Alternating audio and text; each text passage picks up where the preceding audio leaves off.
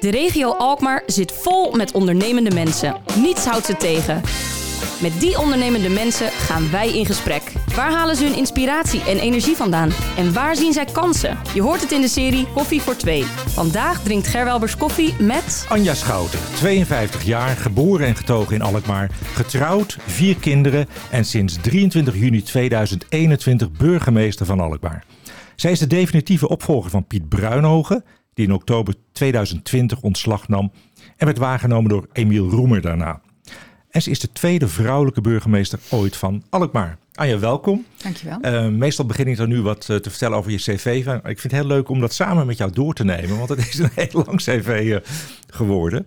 Um, om het maar even op te pikken bij je studieperiode. Je hebt gestudeerd aan de VU in Amsterdam, bedrijfskundige economie. En hoe is het daarna gegaan? nou, daarna is er van alles gebeurd. Maar ik ben tijdens mijn studie al begonnen met werken. En die is al tamelijk bepalend uh, geworden in wat er daarna gebeurde. Want ik, uh, ik werkte eigenlijk al vanaf mijn zestiende in, uh, in het verpleeghuis in uh, De Hout. Naast Westerlicht, hè, voor de meeste ja. Alkmaarders wel zeer bekend. En omdat ik daar werkte, um, had, had dat natuurlijk ook mijn interesse. En die bedrijfskundige economie was toen echt een noviteit. En toen mocht je ook stage gaan lopen voor het eerst. En een scriptie in de praktijk. En ik ben toen vanuit het verpleeghuis naar het ziekenhuis, eigenlijk in de achtertuin gegaan. En heb daar mijn, uh, mijn scriptie en mijn, uh, mijn stage gedaan. En daarmee heb ik eigenlijk mijn start gemaakt in de grote mensenwereld, in die, in die medische kant, zeg maar, ja. in de zorgkant. En je ziet dus dan dat banen, zeg maar, die je hebt als scholier, al heel bepalend kunnen zijn in, in, in in hoe je ook je volwassen werkzame leven start. Ja, want toen je dus met, met die banen begon in de zorg, Ja. dan had je ook bij Albert Heijn vakken kunnen gaan vullen, bij wijze van spreken. Moet Ja. ik het zo zien? Maar had je toen al meteen die, die passie ook voor de zorg? Vond je dat interessanter? Hoe, hoe, hoe, werkt zoiets dan? Nou ja, ik had meerdere vakantiebanen. Ik heb ook nog bij het Hoge Huis vakantiewerk gedaan en ik heb heel veel bollen gepeld. Oh ja. Dus ja, maar wat ik eh, fascinerend vond aan die zorgwereld toen, vanuit de bedrijfskunde, was dat toen de entree kwam van het logistiek denken in de zorg.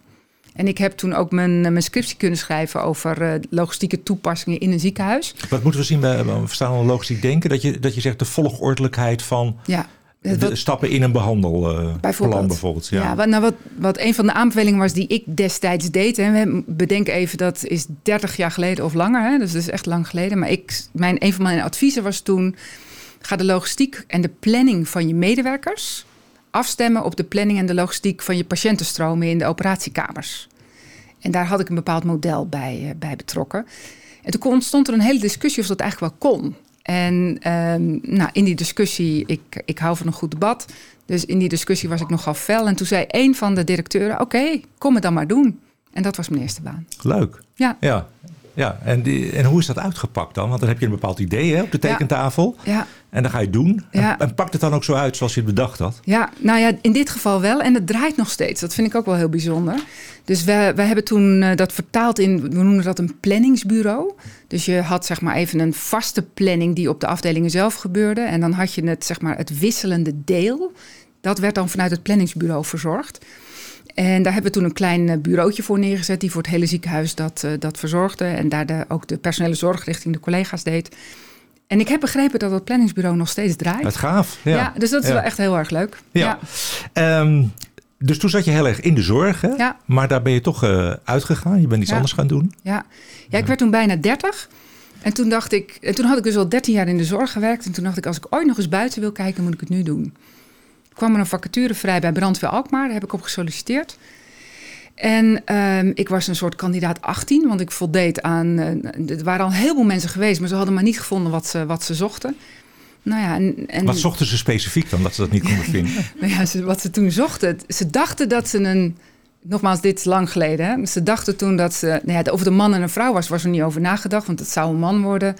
Met, eh, met veel bestuurlijke kennis. En iemand die qua leeftijd tussen de commandanten en de officieren in zat. Want daar, daar, daar moest nog wel wat gebeuren. Zo een beetje een traditioneel profiel. Ja, nogmaals, dik 20 jaar terug. Hè? En ja, na, na, na de procedure kwamen ze met mij terug. Ik had nog nooit bestuurlijk gewerkt. Ik was jonger dan de officieren en ik was eh, zeker geen man. En dat waren wel vijf geweldige jaren. eh, omdat het toen toch ook al mogelijk bleek om... Juist omdat ik een zijenstromer was. Juist omdat ik daardoor dus in het kennismaken en in, in mijn informatievergaring... Ja, eigenlijk heel onbevangen opstelde kon ik daar een hele goede verbindende rol spelen tussen al die verschillende werelden die zo'n brandweer is. Hè? Vrijwillig Mhm. beroeps, generaties, verschillende invalshoeken. Ja, en eigenlijk is dat wel een hele mooie voorspellende waarde voor de rest van mijn carrière. Ja, want het, we kennen de brandweer natuurlijk. We lezen er ook wel eens verhalen over. hè. Het is een hele sterke macho-cultuur, als ik het zo mag zeggen. Nou, Ah, ja. Gelukkig ga je nuanceren. Ja, ik, nou ja, ik, ik vind geen macho-cultuur. Maar het, nou ja, weet je, het was een hele traditionele cultuur. Maar nogmaals, Ja. ik heb het over twintig jaar geleden. Hè. Als ik nu kijk, vorige week was ik met de regionale brandweer eh, een, een hele dag eh, aan, aan het werk samen met de burgemeesters. Dan zie ik dat bijna de helft bestaat van het managementteam bestaat op dit moment uit vrouwen. Het goed. Ja. Eh, dus op de hoge posities de helft. Dus, dat, dus ook daar is hè? heel veel gebeurd. Ja. En gaat het inmiddels natuurlijk ook heel erg over binnen het netwerk je eigen deskundigheid inbrengen. En in de gezamenlijkheid ook maar. En de Mhm. omgeving eh, veiliger maken. ja, dus daar heb je vijf jaar gezeten. Ja. En toen begon het te kriebelen. Toen dacht je, ik moet weer door. Ja, we- weet je, in die vijf jaar waren er een paar hele grote rampen in Nederland. Hè? Dus we hadden, ehm, het was in Enschede en Volendam. En door die enorme rampen ontstond er een hele grote discussie over hoe de vormgeving van de brandweer in Nederland eruit moest, eh, moest zien. Nou, dat maakte dat er hele grote reorganisaties op gang kwamen. En de functie die ik had, die zou daardoor ook niet meer blijven bestaan. Nou, ik mocht kiezen hoor, wat ik wel wilde. Maar daardoor vond ik dat eigenlijk wel een goed moment om ja. Naar gemeente over te stappen. Omdat ik toen veel had samengewerkt met gemeenten. En eigenlijk wel onder de indruk was van de breedte van het pakket wat gemeenten deden. Mhm. En had je toen moeite om eh, iets anders te vinden? Of zeg je nou, dat ging eigenlijk vanwege het netwerk ook heel erg eh, gemakkelijk? Ja, weet je, ik- eigenlijk is het bij mij altijd... ehm, ik solliciteer gewoon op een vacature die gesteld wordt. En dat was toen ook zo. En dan schrijf ik een brief en dan doe ik mee. En dan word ik het wel of ik word het niet. Het is echt niet zo dat ik het altijd word of zo. Mhm. Dat, ehm, en dat was in dit geval ook zo. Dus het was niet op een punt dat ik al wanhopig aan het zoeken was. Maar ik zag gewoon een mooie vacature destijds voor de gemeente Heilo. Daar heb ik op gesolliciteerd. En ehm, nou, dat ben ik geworden. Ja. En hoe lang heb je dat gedaan bij Hello? Ja, dat, heb ik, dat heb ik eigenlijk het kortst van allemaal gedaan. Maar een jaar of drie. En dat had ermee te maken dat ik... ehm, eh, ik, ik zat daar niet in, de, in het MT of zo. Ik was gewoon een, een, een, een afdelingshoofd. Maar mijn ambitie en mijn energie en mijn, nou ja, mijn dynamiek, zeg maar, gaf meer beweging dan op dat moment daar passend was. En burgemeester Den Boon was de burgemeester toen van Heilo. Hij was de mentor van de nieuwe burgemeester van Schermer, burgemeester Schelberg. En hij, eh, hij kende ons beiden dus goed. En hij dacht, dat is nou een mooi koppel om burgemeester en gemeentesecretaris te zijn. Dus ik ben eigenlijk, eh, door hem heb ik kennis gemaakt met Sander Schelberg. En toen daar een vacature ontstond, heb ik ook weer gewoon gesolliciteerd. Maar wist ik natuurlijk wel goed wat er nodig was. En ben ik daar gekozen en ben ik gemeentesecretaris Schermer geworden. Oké. Ja. Dat had dus ook heel erg te maken met ja, de dynamiek van, van Heilo op dat moment. En mij op dat moment, ja, die, die voegde niet lekker. Dat ging Mhm. niet zo goed. Nee. Oké. En toen daarna ging je de gemeentelijke organisatie uit, hè? Toen eh, Ja, dat was was je, ging je daarna naar de politie toe? Was het toen die stap? Ja, ik zijn, we zijn we inmiddels weer vijf jaar verder, denk ik. En ehm, in de vijf jaar bij Schermer hebben we met eh Graf de Rijp, Beemster, Zeevang en Schermer enorm ons best gedaan om te kijken... kunnen we nou een coöperatieve gemeente worden? Dus kunnen we iets anders verzinnen dan gewoon fuseren of... ehm, daar hebben we heel actief mee geëxperimenteerd. Het is echt bestuurlijke vernieuwing. Ja. Hoe zorg je dat je burgers heel dichtbij houdt? Ehm, hoe doe je dat met al die taken die je hebt als gemeente? Hoe doe je dat goed? Maar blijf je toch klein en nabij, hè? want dat was heel erg de zoektocht. En in het vierde jaar bleek dat we daarin niet zouden gaan slagen. Eh, het, het, het- zeg maar het einde van het vierde jaar werd helder dat Beemster eh, toch zijn blik meer naar Purmerend zou gaan richten. ehm, eh, Zeevang meer naar Volendam. En dat, ja, dat je dan eigenlijk een beetje te klein achterbleef. Mhm. Dus die, die, eh, en, en de gemeenteraad van Schermer besloot, wij gaan zelfstandig verder. Ja, toen merkte ik dus dat een heel belangrijk deel van mijn taak. Oh, dat is Siri die bij mij aangaat. Dat is, eh, Ik heb hem snel afgezet. Ehm, dus een, een, een mooi deel van mijn taak, namelijk die hele bestuurlijke vernieuwing, viel daarmee, eh, viel daarmee weg. En ehm, ja, dat was voor mij het moment om te denken: oh ja, dan wordt het nu wel tijd om, om meer eens om me heen te kijken. Ja, en toen heb ik eigenlijk natuurlijk een krankzinnige stap gemaakt. ehm, eh, omdat ik toen naar de politie gegaan ben. En Waarom vind je dat een krankzinnige stap? Nou, hem omdat juist ik wel stoer. Ja, hij was super stoer. Maar ik ging van een budgetverantwoordelijkheid van nog geen 10 miljoen naar een budgetverantwoordelijkheid van uh, meer dan 500 miljoen. Kijk. Ja. En ik ging van. Uh, in Schermer hadden we volgens mij op dat moment 5000 inwoners. En het KPD destijds had bijna 5000 medewerkers. Ja. Dus de, de, de, de stap was gewoon echt heel erg, uh, heel erg groot. Mm -hmm. Maar ja, ook wel weer echt geweldig. Maar, maar het is wel leuk dat je dat zegt trouwens. Want, want merk je dan in praktijk iets dat je... Of zeg je vanaf, vanaf dag één ben je aan die grotere waarden gewend? Het is eigenlijk uh, veel hetzelfde, alleen het is wat, wat meer. En het is wat groter. En de cijfers zijn, staan even wat meer nullen en, uh, bij en zo. Nou, kijk, in beide organisaties werken mensen. En, en de dynamiek tussen mensen en tussen belangen van mensen... dat maakt niet zoveel uit. Daar kwam ik al vrij snel achter. Dus ik zei ook altijd van, weet je, als je moet onderhandelen over de rondweg van Stompetoren West, hè, want dat speelde toen. En je moet met, met, uh, met landeigenaren spreken over het, hun grond. Dat is net zo ingewikkeld als met de ambassadeur van Turkije uh, onderhandelen over het uitwisselen van informatie. Daar zitten dezelfde menselijke dynamieken onder. Ja. Dus dat lijkt op elkaar. Uh, maar wat echt anders is, is dat bij schermen kon ik letterlijk, als ik in de hal ging staan en even liet weten dat ik het belangrijk vond dat we elkaar spraken. Dan binnen een paar minuten waren alle ambtenaren bij elkaar. En dan konden we iets bespreken als er iets dringends was. En bij het KPD zaten we door heel Nederland en op ja. 23 plekken in de wereld. Dus de nabijheid en het gevoel van we doen het echt met z'n allen samen. Dat vraagt in zo'n hele grote organisatie veel meer onderhoud dan in zo'n heel klein. Is die menselijke dynamiek, hè, om daar op, op mee om te gaan, op in te spelen, is dat een van jouw sterke punten? Ik heb in ieder geval heel hard op geoefend. Ja. nee, dus, ja. um, ik hoop dat het een van mijn sterke punten is, want het is uh, hartstikke nodig. En ook nu, met wat ik nu doe, gaat het altijd over de dynamieken tussen mensen. Hoe komen we uit belangentegenstellingen? Hoe, hoe, als de problemen groot zijn, hoe doen we het dan met elkaar? Daar gaat het natuurlijk nu ook nu over. En wat ik merk is dat, omdat ik een loopbaan heb met heel veel verschillende soorten organisaties, dat ik steeds beter word in het verbinden van werelden. Ja. En ik ben ervan overtuigd dat de grote vraagstukken van dit moment altijd heel veel verschillende invalshoeken vragen. Niemand Mhm. kan de grote vraagstukken meer alleen oplossen. Nou, en dan is het gewoon heel erg belangrijk dat er verbinders tussen zitten, die Ja. ook die werelden eh, aan elkaar weten te verbinden. Mooie woorden. En ook heel mooi past dat bij een burgemeester. En waarom wilde je burgemeester worden? Is, is dit een van de redenen? Ja, Ja? absoluut. Ja, absoluut. Ja. burgemeester willen worden komt echt uit het hoofd en uit het hart. Dus de, de, de hoofdkant is prachtig ambt, mooie beleidsterreinen, belangrijke plek in de samenleving. eh, de plek waarin volgens mij de bestuurlijke nie- vernieuwing voor de komende jaren gaat, eh, gaat plaatsvinden. De plek ook dichtst bij burgers waar realisatiekracht zit. En de hartkant zit erin. Ja, ik hou enorm van Alkmaar. Ik hou enorm van de dorpen eromheen.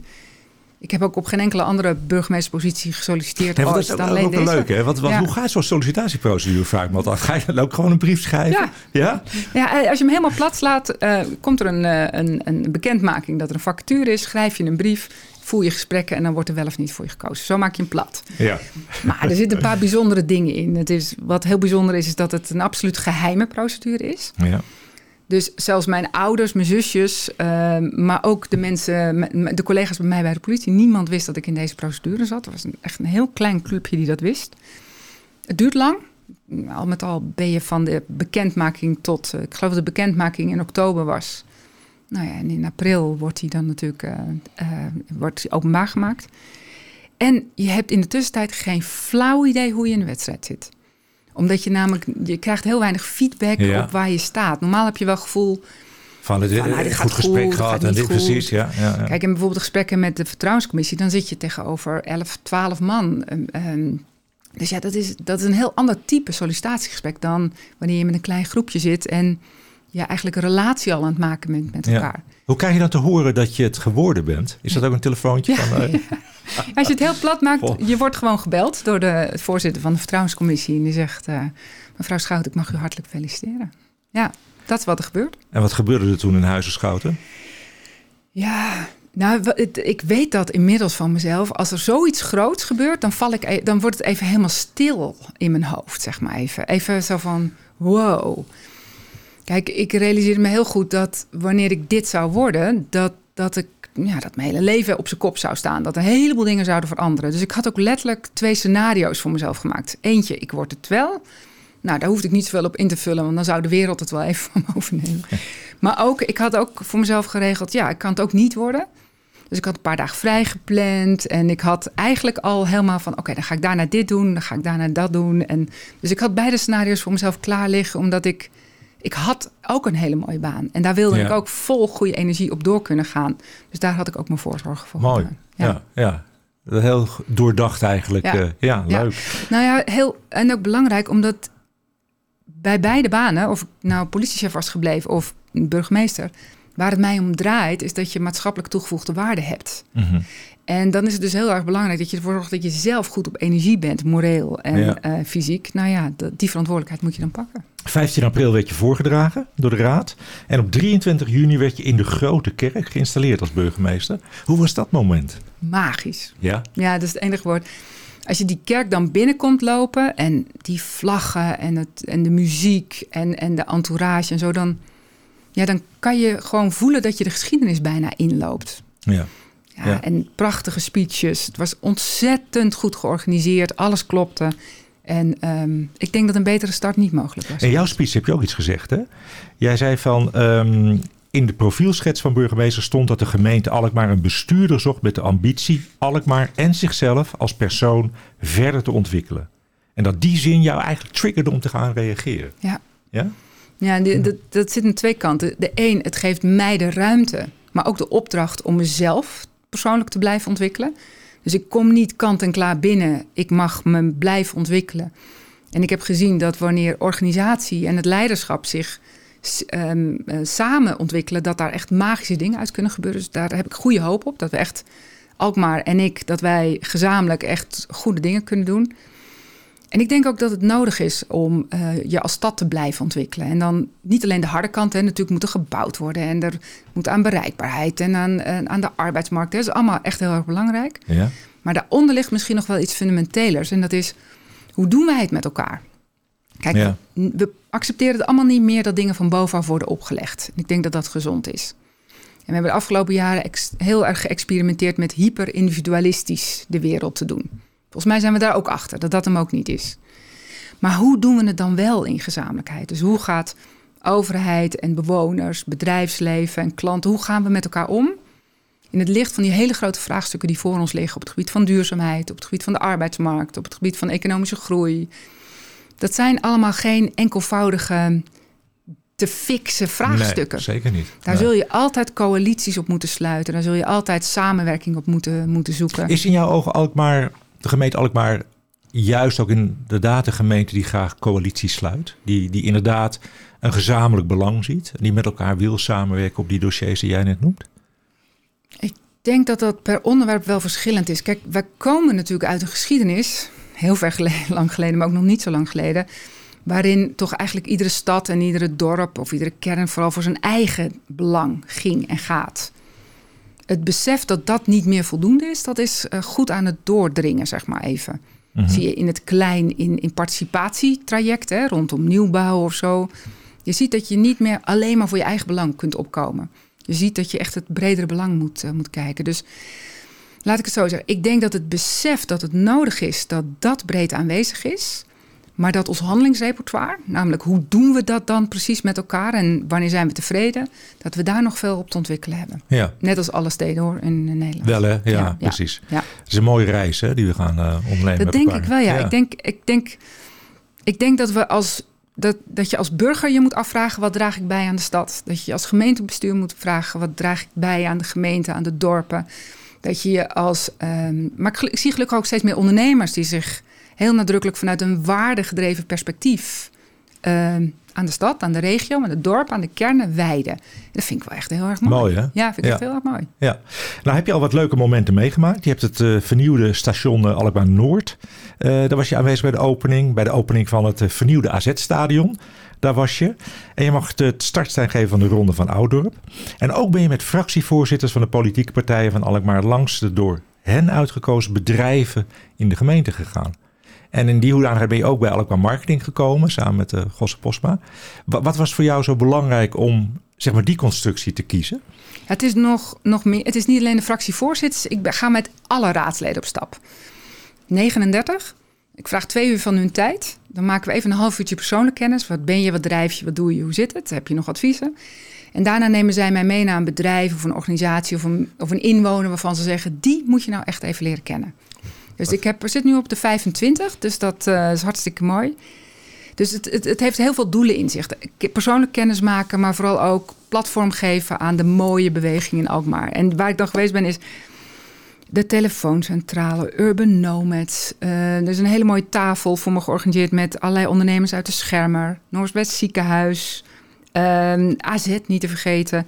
Dus je ziet dat, dat er... Uh, en er staan er nog een heleboel op het, uh, op het lijstje. Dus, dus ik ben op veel plekken al geweest.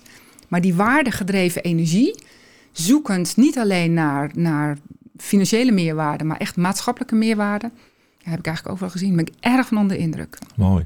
En Anja, als trouwe luisteraar van deze, deze serie weet je ook dat we nu aan de dilemma's zijn toegekomen. Ja. nou, daar gaan we. Je mag een ja of een nee aangeven en daarna mag je een hartelus nuanceren. Het is positief dat een burgemeester geen politieke achtergrond of kleur heeft. Ja. Met het worden van burgemeester lever je een privéleven in. Nee. Oké. Nou, dat waren de twee moeilijke. Nou, een hele makkelijke. Is Alkmaar de leukste gemeente van Nederland? Ja. En ik vind kaas de lekkerste snack. Absoluut. Ja, dat is echt ook waar. Ja. ja um, je zei over het is positief dat een burgemeester geen politieke achtergrond of kleur heeft. Dan zei je ja. Ja. Kan je dat toelichten? Ja, de, Eén is, ik krijg er veel reactie op. Dus mensen vinden het vertellen dat ze het leuk vinden. Dus dat ze zeggen, oh, dat vind ik eigenlijk wel heel interessant. Want daardoor weten we nog niet precies wat je gaat brengen. En, en hebben we ook het gevoel dat je niet al in een vast tramien zit. Hè? Dus dat is leuk. En ik denk dat het ook, en dan heb ik het even over die meerwaarde waar we het net over hadden. Het verbinden van partijen. Daarbij helpt het als je niet op voorhand al een eigen kleur hebt. Een, een eigen... Ja een eigen denklijn, zeg, je, zeg maar, die, die inbrengt. Is het ook omdat de burgemeester eigenlijk toch wat boven de partijen staat? Hè? Ik vind het juist, eigenlijk heel erg bij passen. Ja. Ik zou het eigenlijk lastiger kunnen uitleggen waarom je per se wel een kleur moet hebben dan waarom je geen kleur zou moeten hebben. Ja, ja. Wat maakt jou het meest trots op Alkmaar? Wat mij het meest... Um, ik denk dat het zo'n prachtig samenspel van mooie ingrediënten is. Dus het is, het, je hebt ruimte eh, om je te kunnen bewegen.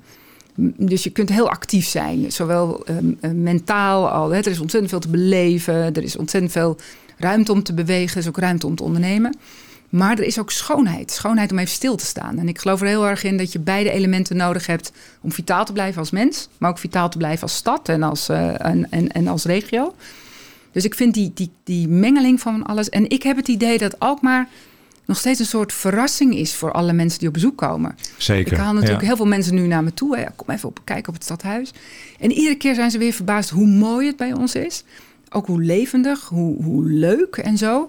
En, afhankelijk van het bezoek ga ik op met ze naar de Rijp of, of naar de stad of, net, of, of, of naar de Schermer. Hè. Dat, er zitten zoveel mooie verrassingen in, in, in, in de gemeente, in de stad en de dorpen ja, volgens mij kunnen we daar nog veel meer mee doen.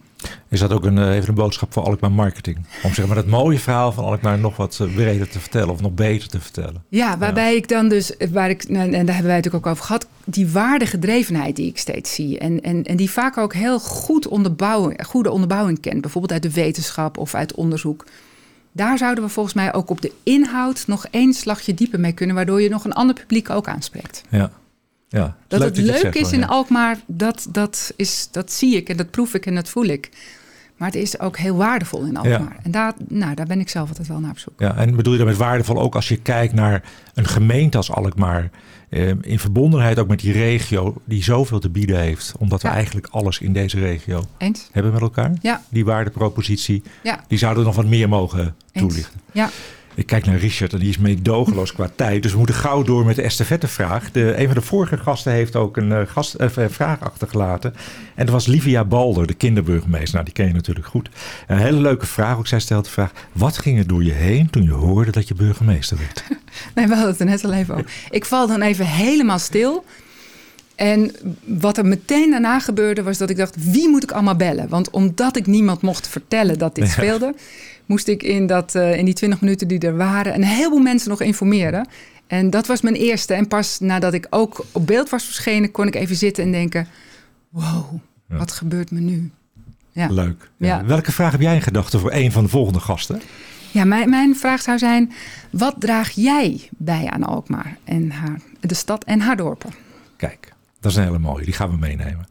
Anja, de tijd zit er helaas op. Wat is het omgevlogen? Uh, fijn als je, als je over niet al te lange tijd nog een keer wil terugkomen. En dan zijn we gewoon wel heel erg benieuwd naar je ervaringen die je dan uh, tot dat moment hebt doorgemaakt. lijkt me een goed plan. Dankjewel. Lijkt me een goed plan. Je luisterde naar Koffie voor Twee.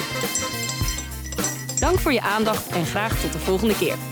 Koffie voor Twee is een samenwerking tussen Halstad Centraal en Alkmaar Marketing.